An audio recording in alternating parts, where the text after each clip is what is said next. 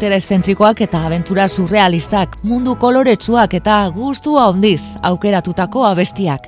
Wes Anderson zuzendariaren estiloaren gakoetako batzuk dira. Zinegile estatu batorraren unibertsoa, ez dago soilik Hollywoodeko izarrez osatua. Zenbaitetan, estena bakoitzaren propio aukeratzen dituen abestiek, protagonismo oso hartzen dute personaia bat gehiago bihurtuz.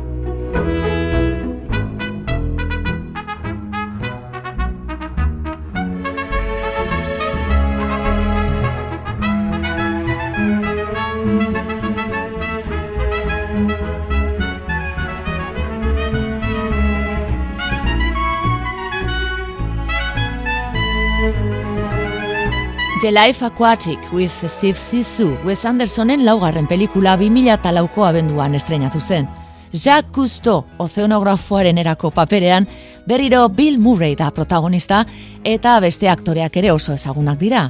Owen Wilson, Kate Blanchett, Angelica Houston, Willem Dafoe edota Jeff Goldblum, Napoles eta Italiako Rivieraraino joan ziren errodatzera, hango argia eta kolorearen bila. David Bowieren obra ardatz hartuta, Wes Andersonek bere musika aukera egiten du. Soinu banda arribitxiz betea dago, eta azpimarratzekoa da Bowie hain importantea dela, Seu Georgi Brasilarrak interpretatzen duen pertsonaia, film guztia zehar azaltzen dela portugesez, haren berzioa akustikoak abesten. Starman, adibidez.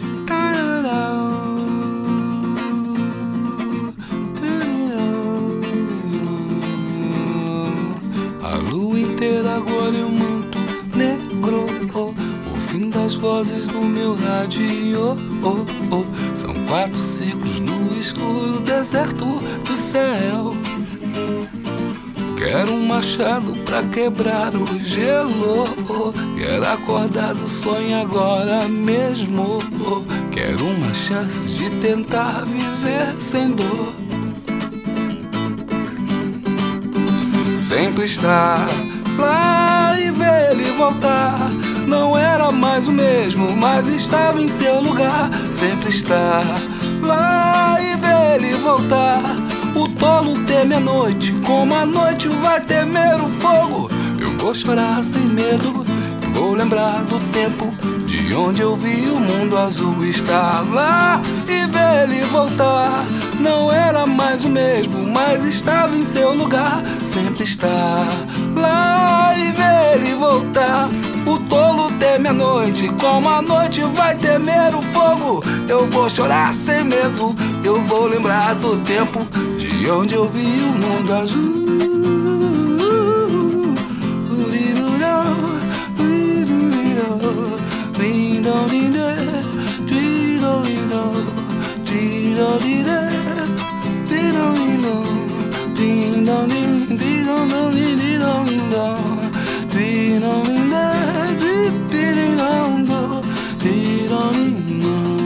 Life Aquatic pelikularen estena batean Bill Murray itxasuntziko kapitaina bere semea izan daitekela jakiten duenean. Erretzera ateratzen da abrankara. Life for Mars entzuten da orduan. It's a god awful small affair To the girl with the mousy hair But her mommy is yelling no And her daddy has told her to go But her friend is nowhere to be seen. Now she walks through her sunken dream to the seat with the clearest view. And she's hooked to the silver screen. But the film is a sad thing for, for she's lived it ten times or more. She could spit in the eyes of fools if they ask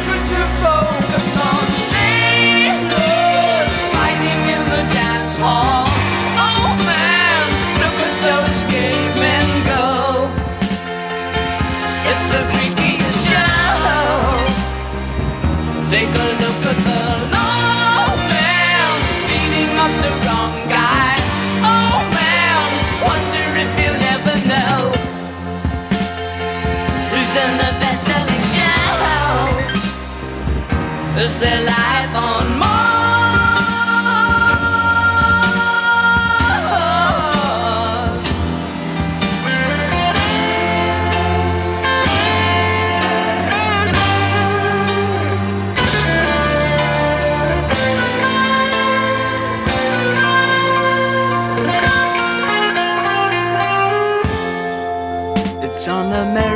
Tortured brow that Mickey Mouse has grown up a cow.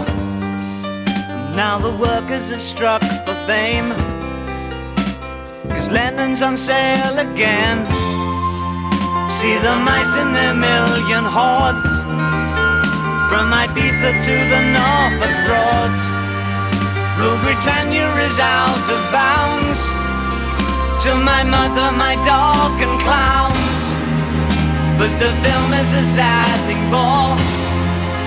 Cause I wrote it ten times or more. It's about to be writ again As I ask you to vote for some sailors Fighting in the dance hall Oh man, look at those cavemen go It's a freaky show Take a look at the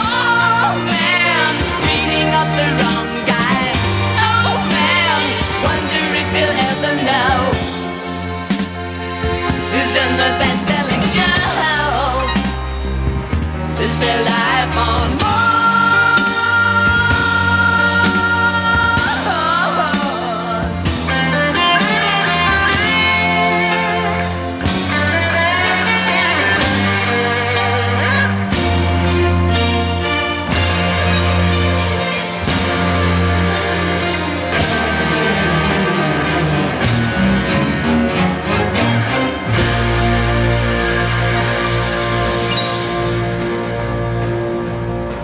Kate Blanchett aktorea untziaren espedizioa erraitzen duen erreportari bata. Bill Murrayarekin maite minduko da eta globoan irtera bat egitera gonbidatzen du behin. Wes Andersonek askotan egiten duen moduan zine musikaren klasiko bat aukeratzen du. Ennio Morriconek Sako Ebantzetti filmaren soinu bandarako konposatu zuen Here is to you, John Baez.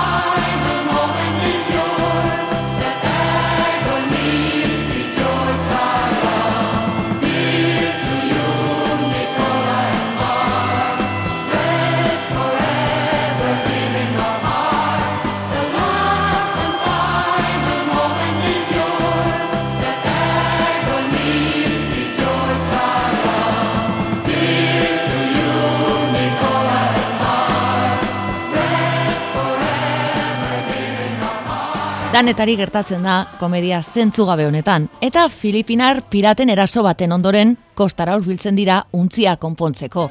Protagonista bere emazteoiarekin elkartzen da. Angelica Houston da Eleanor Zizu, eta dirua eskatzen dio. Paco de Luciaren La Niña de Puerta Oskura entzuten da. Wes Andersonen musika ezagutza oso zabala da. Musika klasikoarekin, pop zein folk musikarekin, edo ta oraingoan bezala flamenkoarekin ausartzen da.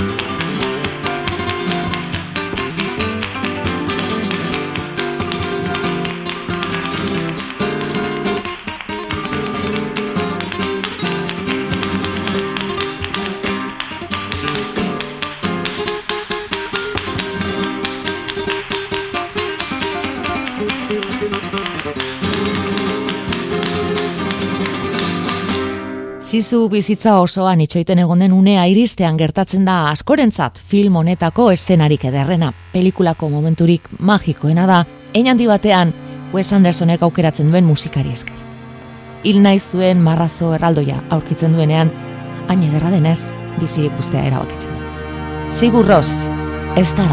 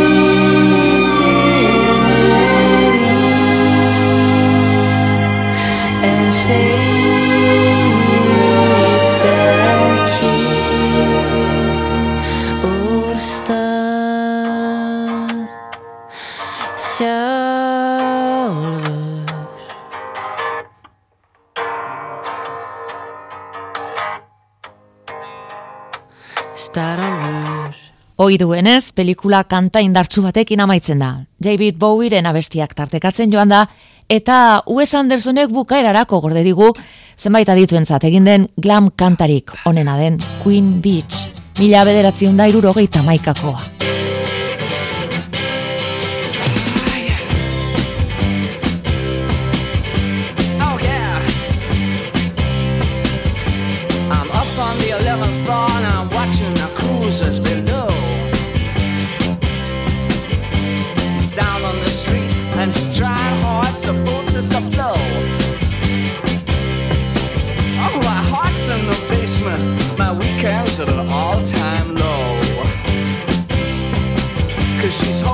a scar, so I can't see her letting him go. Walk out of her heart, walk out of her mind. I love her. She's so swishy in her satin and tan, in her frock coat and bibbity bobbity hat. Oh God, I could do better than that. Oh, yeah. She's an old-time ambassador, a sweet-talking, night-walking game known in the darkest clubs for pushing ahead of the dames. If she says she can't do it, then she can't do it. She don't make false claims. But she's a queen, and such a queen that your laughter is sucked in the brains.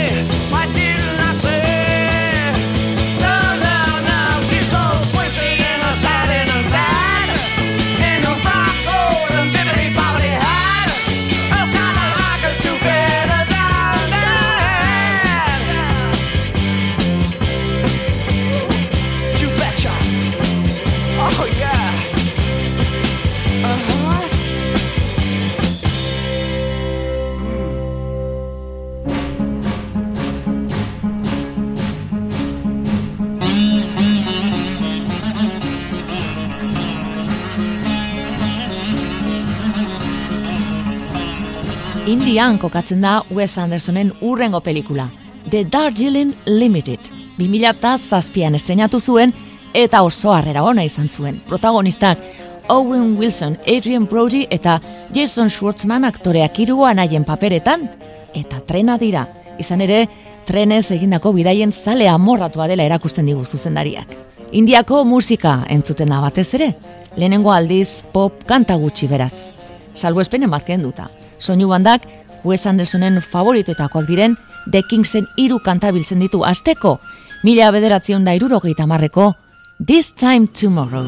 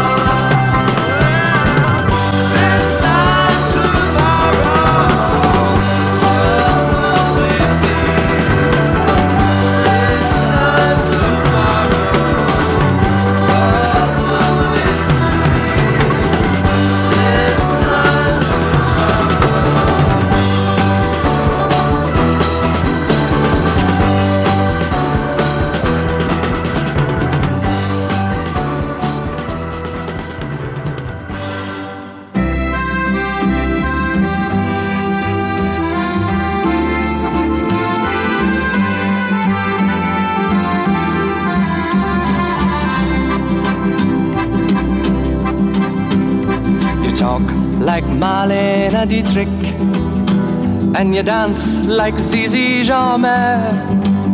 Your clothes are all made by Balmain And there's diamonds and pearls in your hair.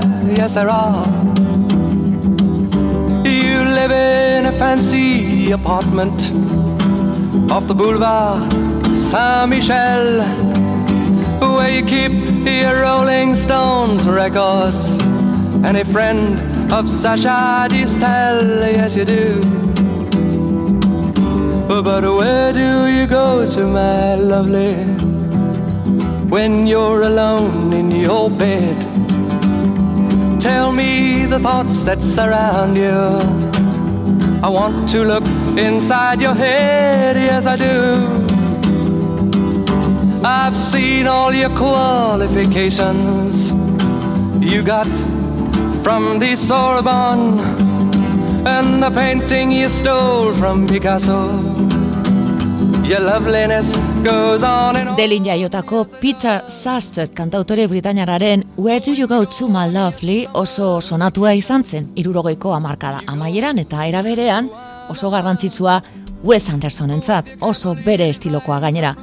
Klasea apaleko neskabatek Parisko elitean sartzeko egiten duen alegina kontatzen du, eta Marlene Dietrich Sorbona, ze Michel Boulevarra Picasso edota Aga Kanekin batera, The Rolling Stones aipatzen ditu. Eta bai, argi dago, zerbait berezia esan nahi zuela bere mundu bitxi horretan, izan ere honez gain, kanta honek osatzen du Wes Andersonen 2007ko Hotel Chevalier labur metraiaren soinu banda. Where do you go to my lovely When you're alone in your bed tell me the thoughts that surround you.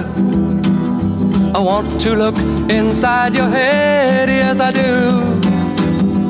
I remember the back streets of Naples, two children begging in the rags, both touched with a burning ambition to shake off their lowly born takes, they try.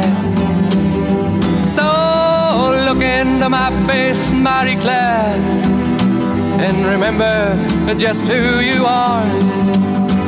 Then go and forget me forever. But I know you still bear the scar deep inside, yes you do. I know where you go to, my lovely, when you're alone in your bed. I know the thoughts that surround you, cause I can look inside your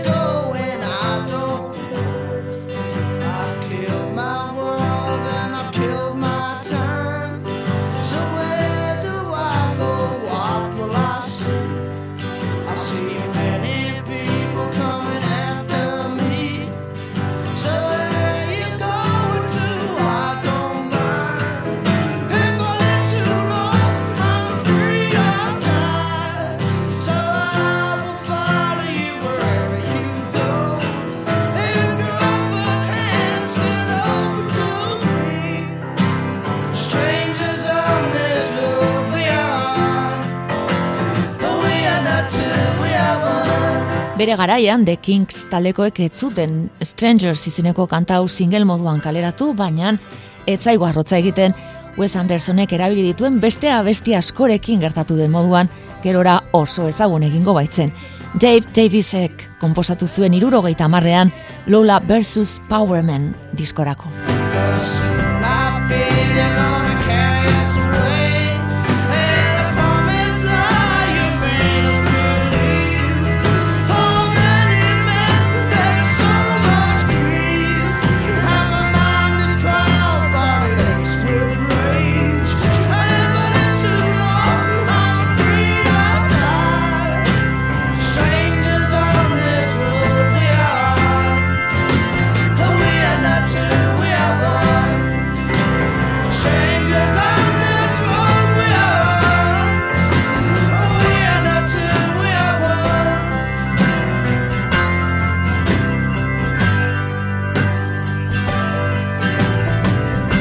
Iruanaiak trenean elkartzean bukatzen da The Darjeeling Limited eta pelikulari bere ikutu berezia ematen dio Wes Andersonek bere estiloko kantazora garri batekin.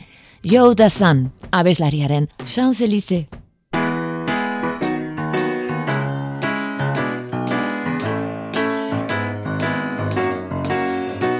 Je me baladais sur l'avenue, le cœur ouvert à l'inconnu. J'avais envie de dire bonjour à n'importe qui, n'importe qui, ce fut toi. Je t'ai dit n'importe quoi, il suffisait de te parler pour t'apprivoiser. Aux Champs-Élysées, aux Champs-Élysées, au soleil, sous la pluie, à midi ou à minuit, il y a tout ce que vous voulez aux Champs-Élysées. Tu m'as dit j'ai rendez-vous dans un sous-sol avec des fous qui vivent la guitare à la main du soir au matin. Alors je t'ai accompagné, on a chanté, on a dansé et l'on n'a même pas pensé à s'embrasser. Aux Champs-Élysées, aux Champs-Élysées, au soleil, sous la pluie, à midi à minuit, il y a tout ce que vous voulez aux Champs-Élysées.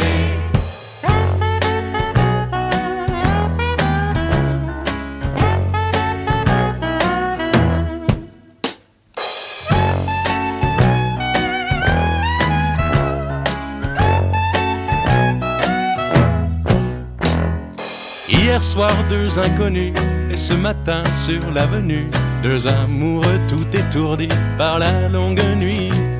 Et de l'étoile à la concorde, Un orchestre a mis le corps, tous les oiseaux du point du jour chantent l'amour. Aux Champs-Élysées, aux Champs-Élysées, au soleil, sous la pluie, à midi ou à minuit, il y a tout ce que vous voulez aux Champs-Élysées. Aux Champs-Élysées, aux Champs-Élysées, au soleil, sous la pluie, à midi ou à minuit, il y a tout ce que vous voulez aux Champs-Élysées. Aux Champs-Élysées. Wes Andersonen ibilbidearekin jarraituz oso ausarta izan zen eman zuen urrengo pausoa, 2000 bederatziko udazkenean bere lehenengo marrazki bizidunen luze metraia aurkeztu zuen, Fantastic Mr. Fox. Oso azkarra eta batez ere oso apaina den Fox izeneko aseri baten istorioa kontatzen du. Alex Handre de Pla, soinu bandaren egilearentzat animaziozko film baterako egin zuen lehen kolaborazioa izango zen eta Oscarretarako izendatu zuten.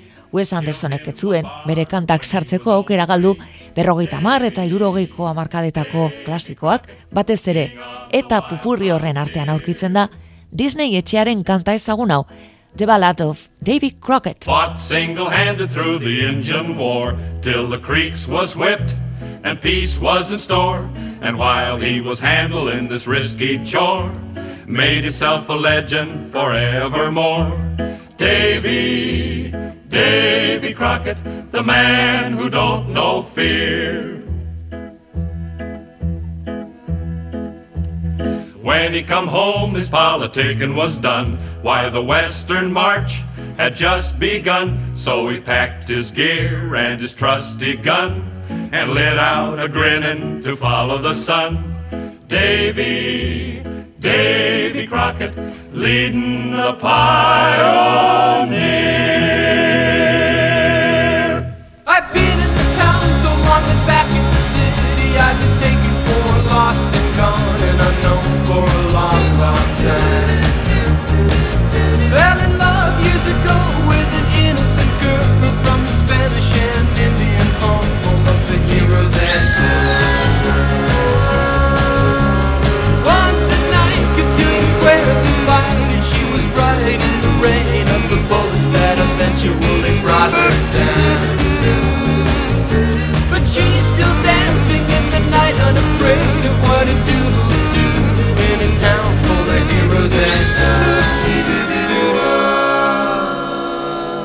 Fox aseria saltoka eta jauzika ikusten dugu pelikula hasieran olioak lapurtzen. Zaila da irrifarreari ustea. The Beach Boysen Heroes and Villains entzuten da bitartean, eta aipatzekoa da batek baino gehiago kaitortu duena. Beach Boysen eta Brian Wilsonen musika Wes Andersoni esker ezagutzen dutela.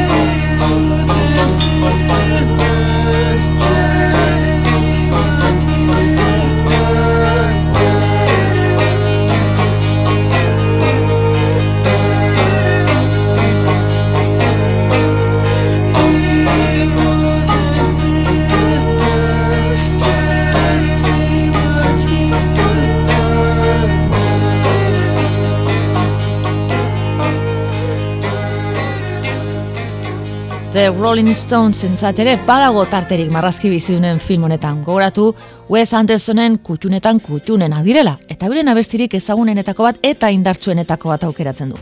Street Fighting Man. Fox eta bere lagunek korrik alde egin behar dute baserritarren gandik iesi. Etxea deus estera datoz, hiru eskabadorekin.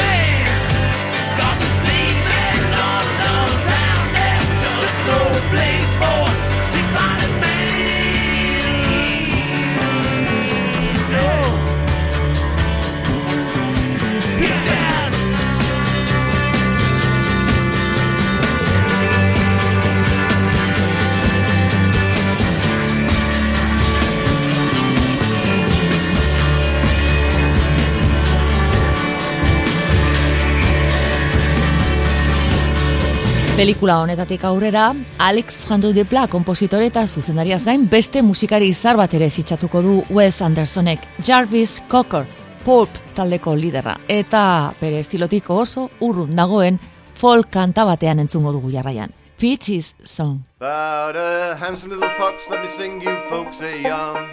Hey, diddle dee daddle da daddle do doodle dum. Was a splendid little fella, full of wit and grace and charm. Zippy zee, zappy za, yappy yo, google gum. Well, like any little critter needing victuals for its middlings, well, he stole and he cheated and he lied just to survive. With a doodle dum, diddle die, daddle diddle doodle dum, doodle dum, diddle die, daddle diddle doodle dum. Zippy zo, zippy zay, zippy zappy zoopy zee. Zippy zo, zippy zay, zippy zappy zoopy zee. Doo da, doo da, day.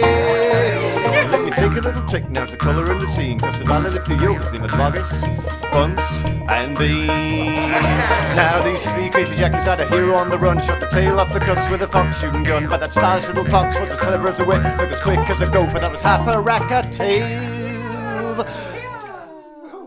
now those three farmers sit where there's a hole was once a hill, singing diddle dee daddle da daddle do doodle dum. And as far as I can reckon, they're sitting up there still singing zippy zee zappy za yappy yo. Orain, Alexandre de Pla musikagile frantsesaren ekarpenera itzuliz. Wes Andersonen enkarguz, bere estilo jostalari eta auskorrean konposaturiko pieza bat entzungo dugu. Zinegileak haurtzaroko jolasak eta barrabaskeriak oroitaraziko zituen musika eskatu zion, eta ezin zuen giro hori hobeto jaso partitura batean. Kontuan hartzekoa da gainera, soilik astebete izan zuela soinu banda osoa idazteko.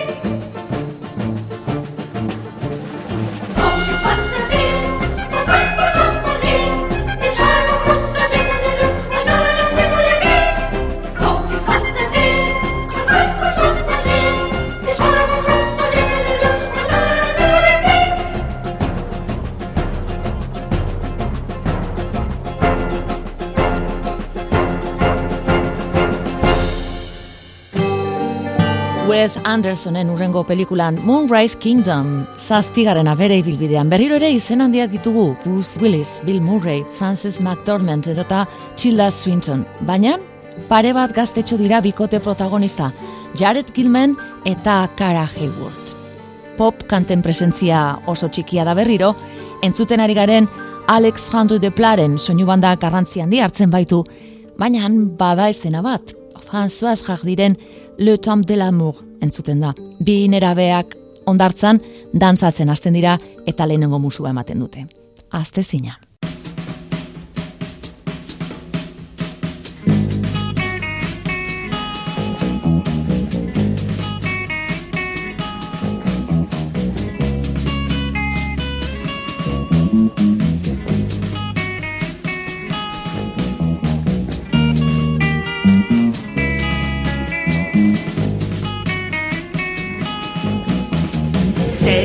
Temps de l'amour, le temps des copains et de l'aventure.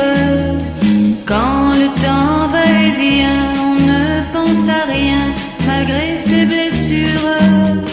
Car le temps de l'amour, c'est long et c'est court, ça dure toujours, on s'en souvient. On se dit qu'à 20 ans,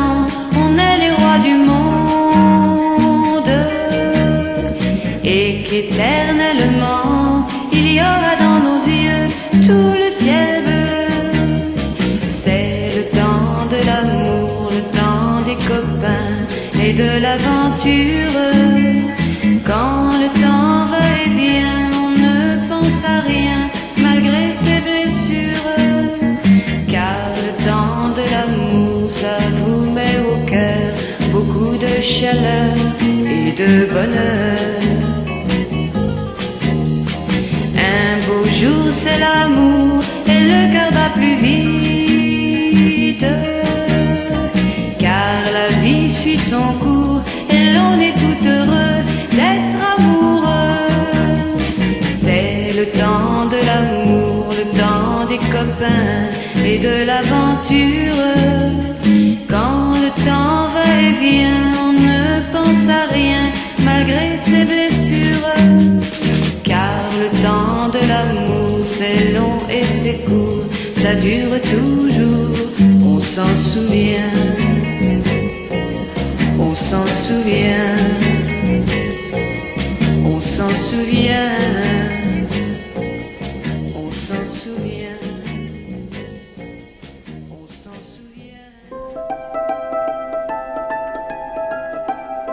Wes Andersonek 2000 eta amabosteko Euskarretan pelikularik onena eta zuzendaririk onenaren izendapenak izan zituen lehen aldiz, The Grand Budapest Hotel pelikularen gatik.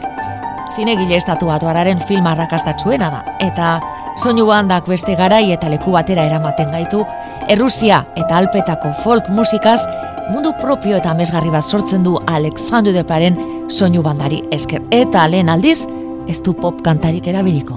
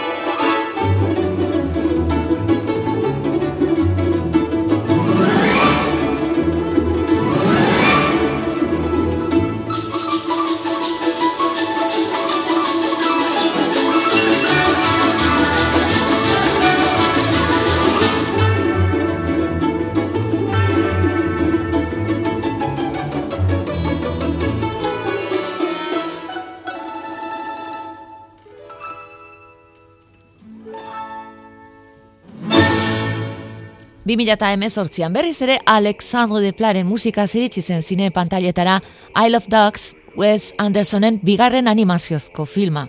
Berriro kanta komertzialak erabiltzen ditu eta hoien artean atentzioa deitu digu batez ere Teruki Akatsuki Japoniarrak mila bederatziun da berrogeita maikean grabatu zuen kanta ederronek. Tokyo Shoe Shine Boy.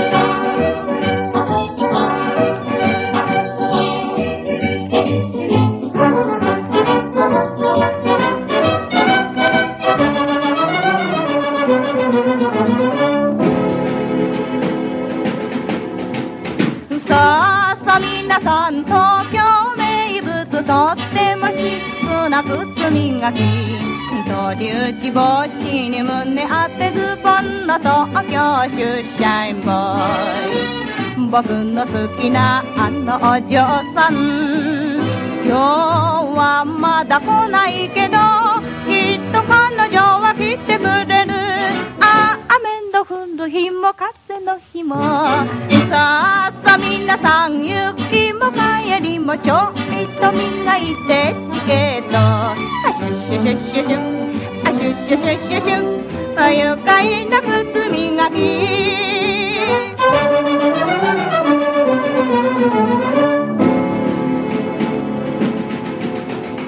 さあさ皆さん東京とってもシックな靴磨きダンスがお得意英語もペラペラ東京出社員ボーイ僕の好きなあのお嬢さん。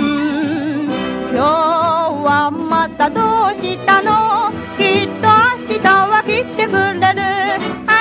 はいいつか二人で踊りましょう。さあさあ皆さんバックが磨けばみんな本が仲良く光る。あシュッシュシュッシュシュッあシュッシュシュッシュシュッ愉快な靴磨き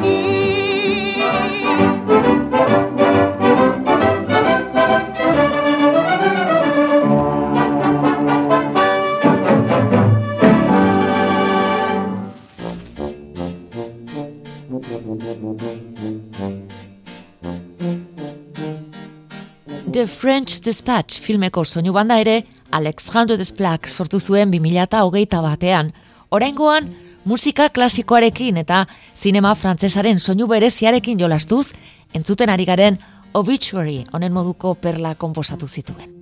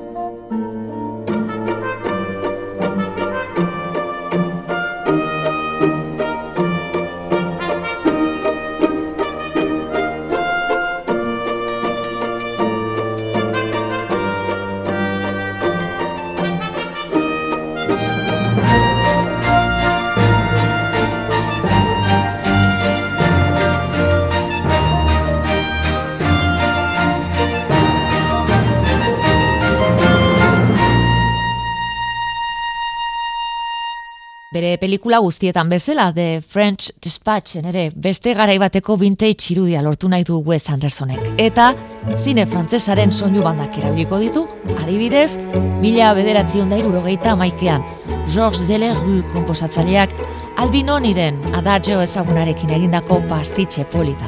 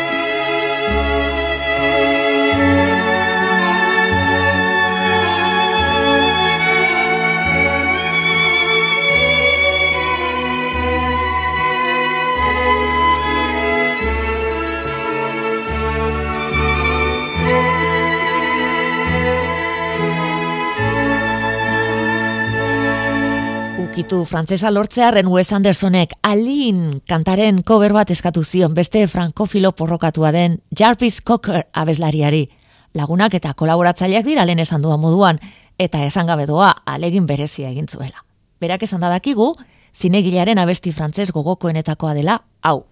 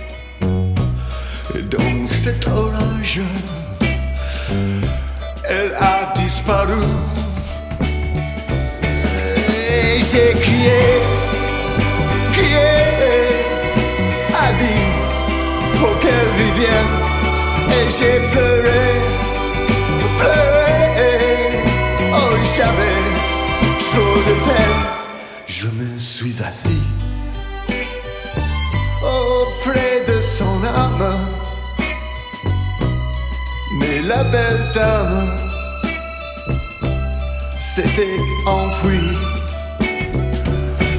Je l'ai cherché sans plus y croire et sans son espoir pour me guider. Et j'ai crié, crié, Ali, pour qu'elle revienne. Et j'ai pleuré, Oh, j'avais trop de peine. Je n'ai gardé que ce doux visage comme épave sous le sable mouillé. Ouais. Et j'ai crié, crié, Ali, pour qu'elle revienne j'ai pleuré, euh, pleuré. Oh, j'avais trop de peine. Ah, j'ai crié, euh, crié. Aline, pour qu'elle revienne. Et j'ai pleuré, oh, pleuré. Oh, j'avais trop de